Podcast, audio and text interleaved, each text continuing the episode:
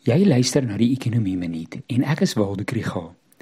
Vandag word die bruto binnelandse produk en ekonomiese groei syfers vir die 4de kwartaal van verlede jaar bekend gemaak. En hoewel dit kan klink soos ou nuus, is daar 'n paar redes om hierdie aanwyser dop te hou. Hierdie episode word ondersteun deur die Buro vir Ekonomiese Ondersoek in Stellenbosch en die NWI Sakeskool. Die eerste rede is dat die 4de kwartaal gekenmerk is deur intensiewe fases van beerdkrag en die impak daarvan op ekonomiese aktiwiteit gaan 'n aanduiding wees van wat ons hierdie jaar kan verwag. Die beskikbare maandelikse aanwysers van hoe dit met die ekonomie gaan, meet nie almal die BBP nie en wys soms in teenoorgestelde rigtings. Produksie in die vervaardigingssektor het oor die 4de kwartaal met 1,6% ingekrimp en mynbouproduksie met 3,4%. Kleinhandelverkope was wel 0,3% hoër.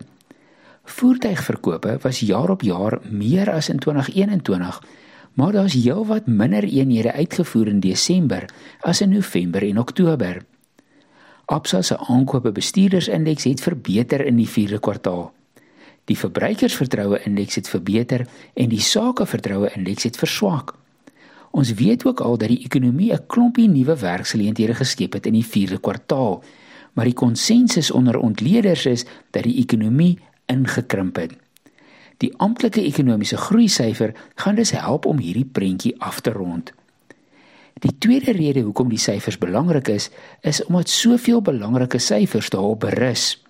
Die Reserwebank gebruik die groei syfers in hulle modelle. Die regering se beraming van hulle belastinginkomste hang af van ekonomiese groei. Verhoudings soos die begrotingstekort tot BBP of staatsskuld tot BBP en selfs net BBP per capita word met hierdie syfer bepaal. Baie van ons probleme sal oplos in 'n bietjie ekonomiese groei. Ek hoop maar ons besighede was meer veerkragtig met beerdkrag as wat die ontleeders dink.